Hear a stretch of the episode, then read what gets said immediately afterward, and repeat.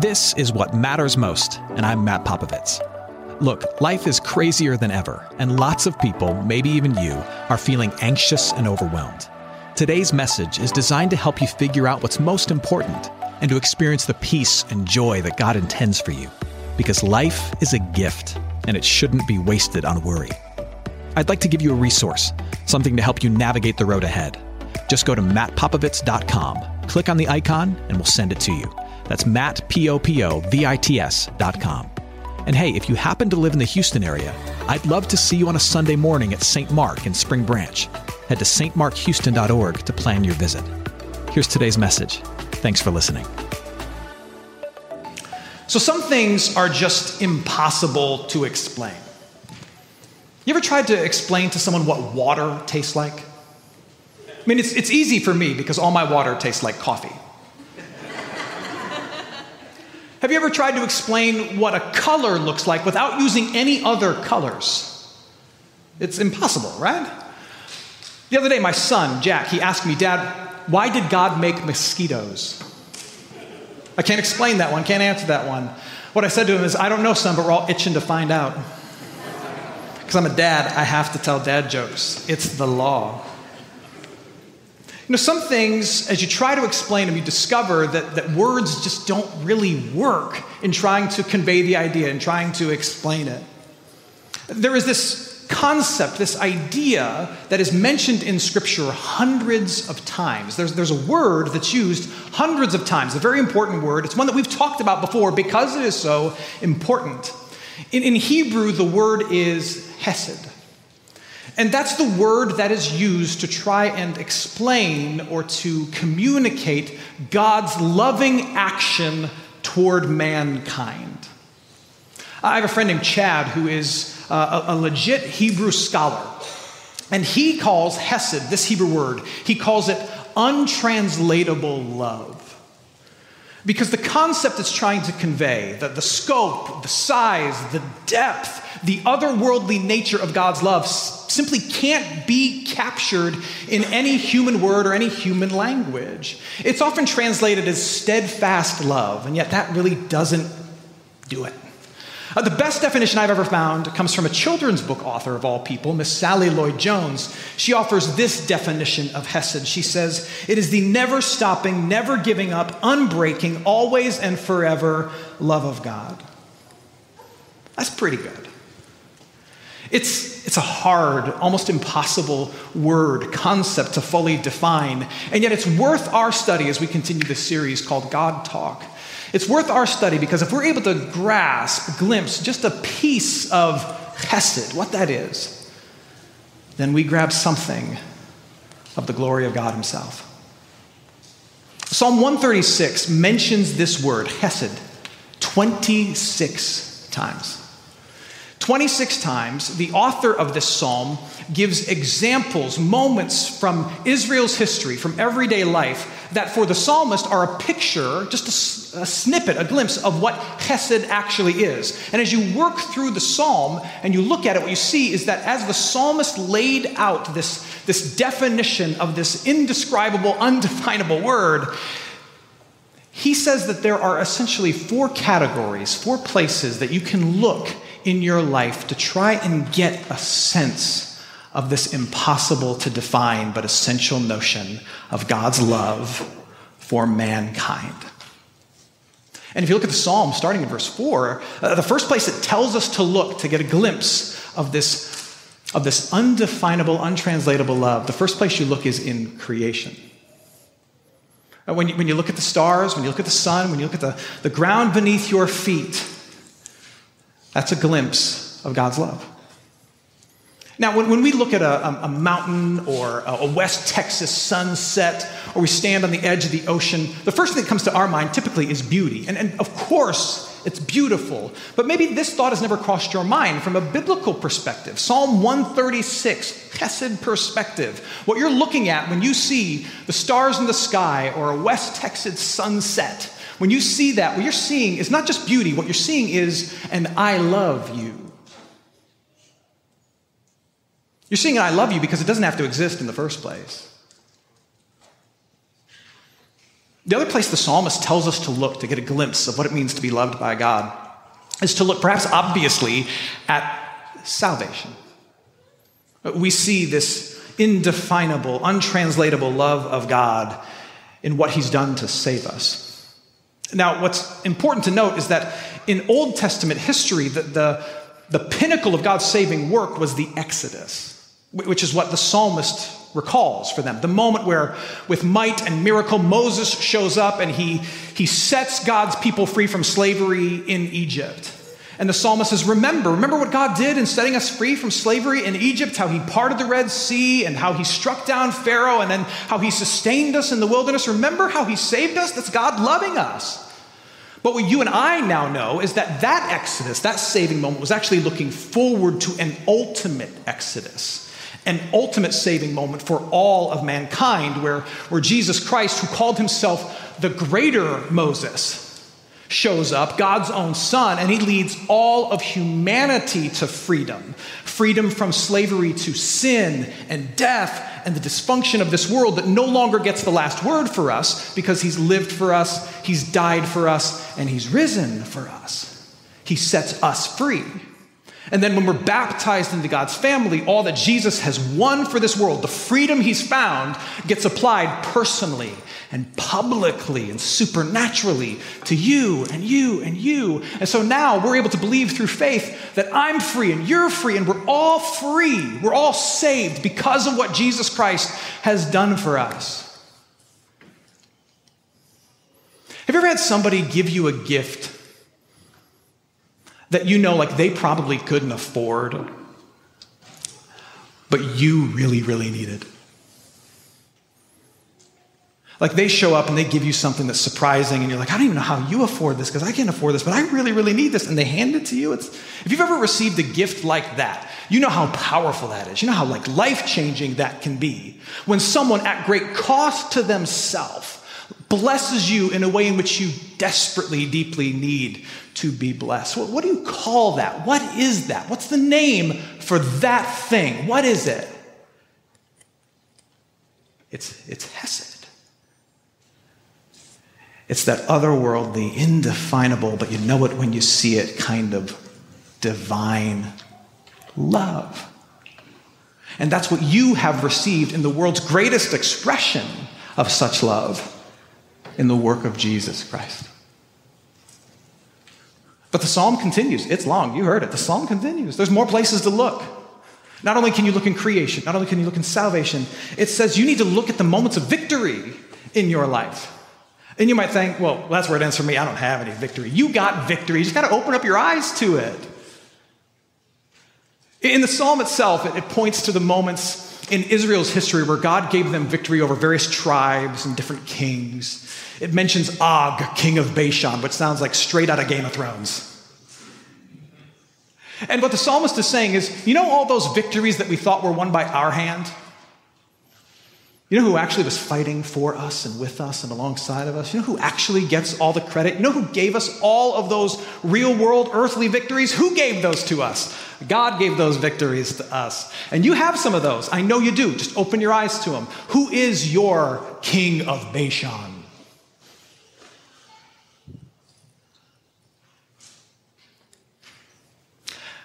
I talked a couple days ago to. Um, to a young couple, they're in their early 30s, who graduated college with a combined debt of like $150,000.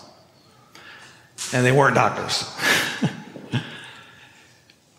and yet they committed like the first six, eight years of their marriage to, to paying down this debt little by little. They went without, they scrimped, they saved, they said no to all the fun things, all the enjoyable things for six, eight years until finally they paid off all of that debt. That's a victory, right?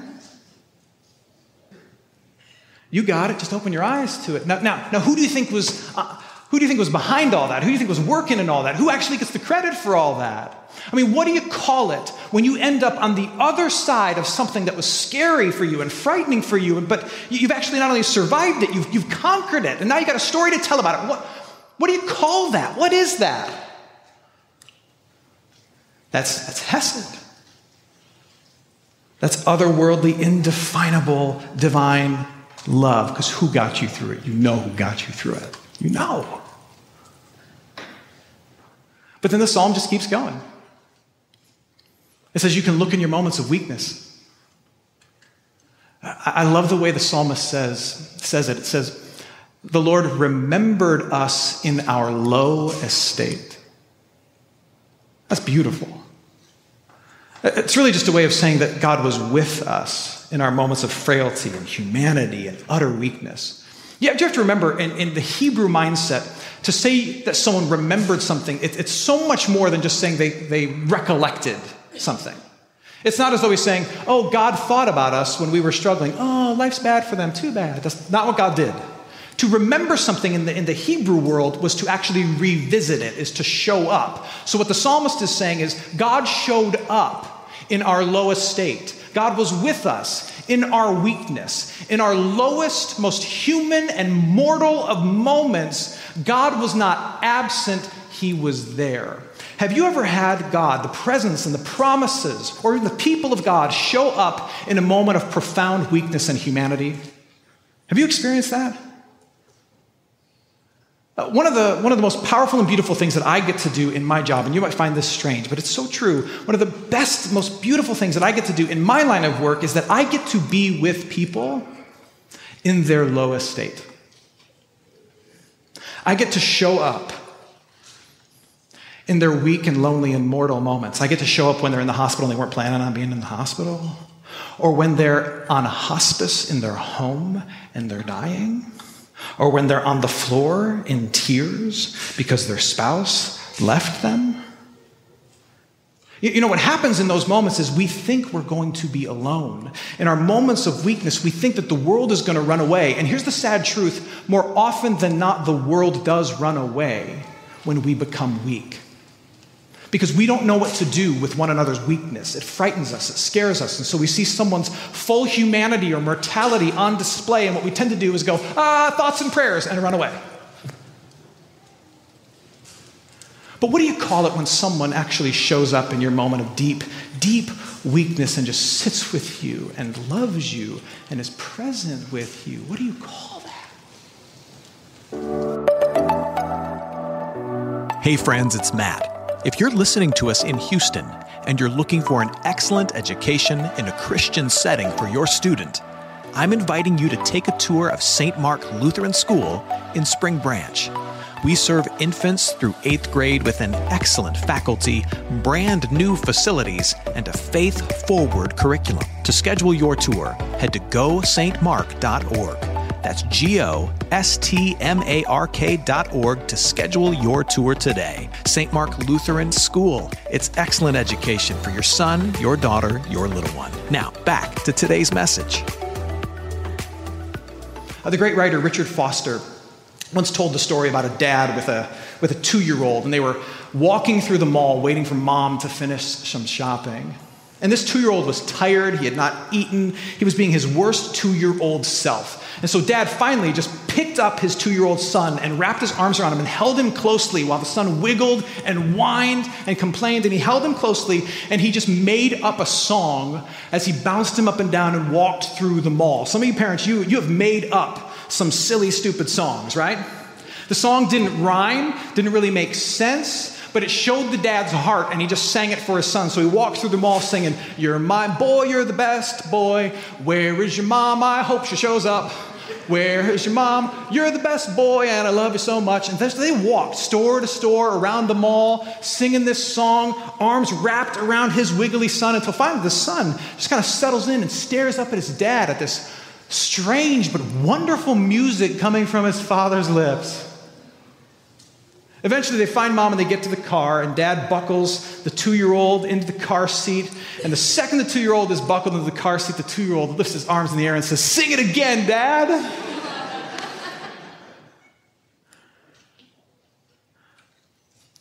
in your weakest and lowest of moments, it might seem like God is far from you, but what he's doing is drawing close to you. And he wraps his arms around you and he sings a song of love to you. He doesn't run away, he draws close. There's another psalm that you need to know.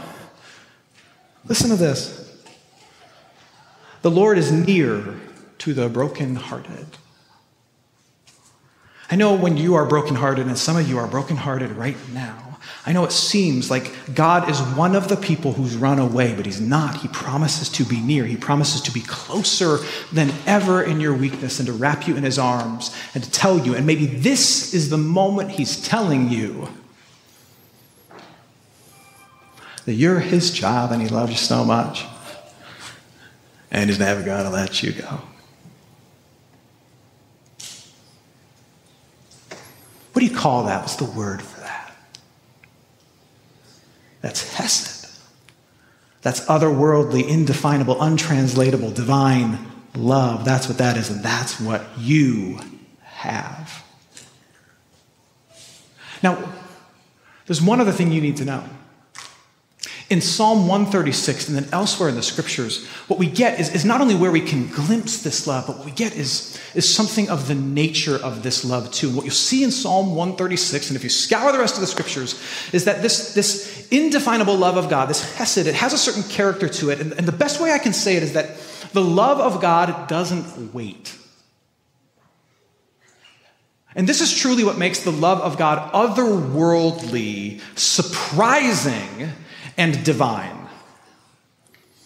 You see, love in every other form, from every other entity, it waits. It pauses before it pursues. It waits to see if it's going to be worthy of the investment. It waits to see if the other person is going to be worthwhile. It waits to see if it's going to be reciprocated. It waits to see if it's going to be understood, if it's going to be accepted. It waits to see if it's worth it before it moves forward. But the love of God doesn't work like that. In Psalm 136, does it say at all, because God saw it would be worth it, or because God saw something worthy in us, his steadfast love endures forever? No, it says you had a low estate, you were defeated by foreign armies, it says you were in captivity, you were uncreated, and yet God said, I love you.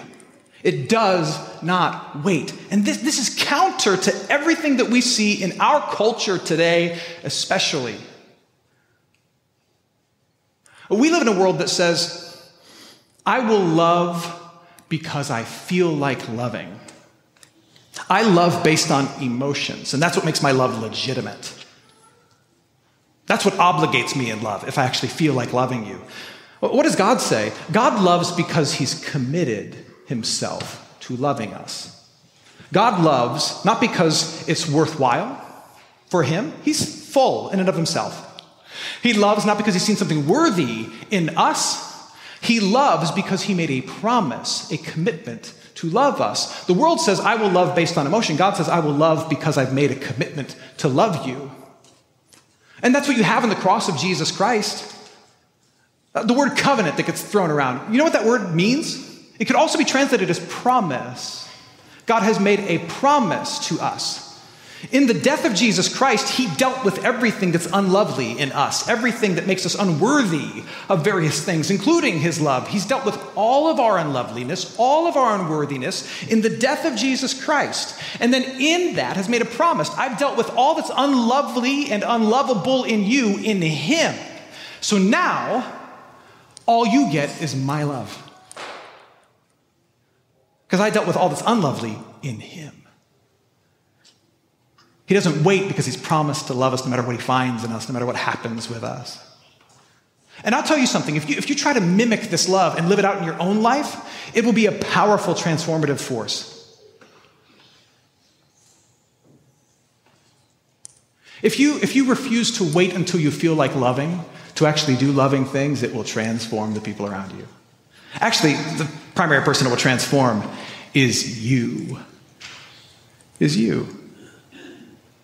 C.S. Lewis once said, I couldn't find the exact quote, but I know he said it. C.S. Lewis once said something to this effect If you, if you choose to love that which you don't like, be careful. What you don't like might just become lovely. Because what happens is when you say, despite emotions, I will act on promise and I will do the things that love requires, Fondness grows. Emotions follow after that. And that is advice I've given to married couples year after year after year in ministry. When your emotions aren't there, when you don't feel like loving, do what love requires because that's what you promised to do. And watch, watch your emotions follow. Watch as your actions of love create something that you're able to see that is lovely and lovable in them. And that's what God does to us. What do you call it when someone loves you and doesn't wait for you to show that you're worthy? What do you call it when someone does that? What's the word for that? Chesed. It's the other world, the divine love of God. Now, knowing all this, where we can look to get a glimpse of God's love and knowing a little something of the character of God's love, what do we do with all this? Well, thankfully, the, psalm actually answers that question at both the beginning and the end. Uh, there's a series of imperative statements at the beginning of Psalm 136 and at the end of Psalm 136 that tells us exactly what we are to do when we glimpse the indefinable love of God in our lives. Do you remember what it is? Give thanks. Give thanks. When you see evidence of God's otherworldly love in your life, you give Him praise. You say, Thank you. Psalm 136 in the Hebrew tradition is called the Great Hallel. Hallel is the root word that's used for our word hallelujah, which means praise God. When you see evidence of God's otherworldly love, you say, Thank you. When you see the sunrise, you say, Thank you. When you experience a little victory in life, you say, Thank you. When you remember on a Sunday, oh, yeah, right, I'm forgiven, you say, Thank you. When in your weakness, God shows up in the kind word of a friend or a promise from Scripture that just pops up in your mind at the right moment, you say, Thank you. We are to be people who, when we glimpse the love of God, we are filled with a hallelujah over and over and over again. That's what we are called to do. Thank you. Steadfast love of the Lord endures forever. There, there, are certain things in this world that are like impossible to explain. You just can't find the right words for it. And the love of God towards mankind, towards you, is one of those things. But here's the thing to keep in mind though it can't be described, it can be seen. So when you see it in the week ahead, when you see the sunset you don't deserve to see, when you're reminded of your forgiveness, when you experience a victory, when you're met with love in your weakness, what will you say? What will you, what will you call it? What will you call it? Love. I am loved. The love of God has broken through into my typical Tuesday and reminded me. And then as a smile creeps across your face and your kid or your coworker looks at you and goes, What are you so happy about? What do you do? You tell them. Well, I mean, it's, it's hard to describe, so maybe you just you point to the thing that for you is evidence of God's love for you. Or, or, or better yet, better yet, better yet. Because it's so hard to describe. Why don't you just be it to them and for them? Meet them in their moment of weakness. Help them accomplish a victory. Remind them that the war is over and that they are free. Show them the beauty of this world. Be the love of the Lord that endures forever, that breaks through into their life. Amen. Let's pray. Hey, it's Matt. I hope you enjoyed what matters most. Here's what I need you to know life is a gift, and it shouldn't be wasted on worry. I want to help you figure out what's most important and to experience the peace and joy that God intends for you. So, for more content, you can head to mattpopovits.com. That's Matt, P O P O V I T S.com. There you can also support this ministry, as well as access your free resource, a little something to help you navigate the road ahead. I'd also love to see you on a Sunday morning. If you're in the Houston area, head to stmarkhouston.org to plan your visit. In the meantime, hit me up on Instagram at mpopovits or at facebook.com slash Matt Popovits Ministries. Thanks for listening. Now go and hold tight to what matters most.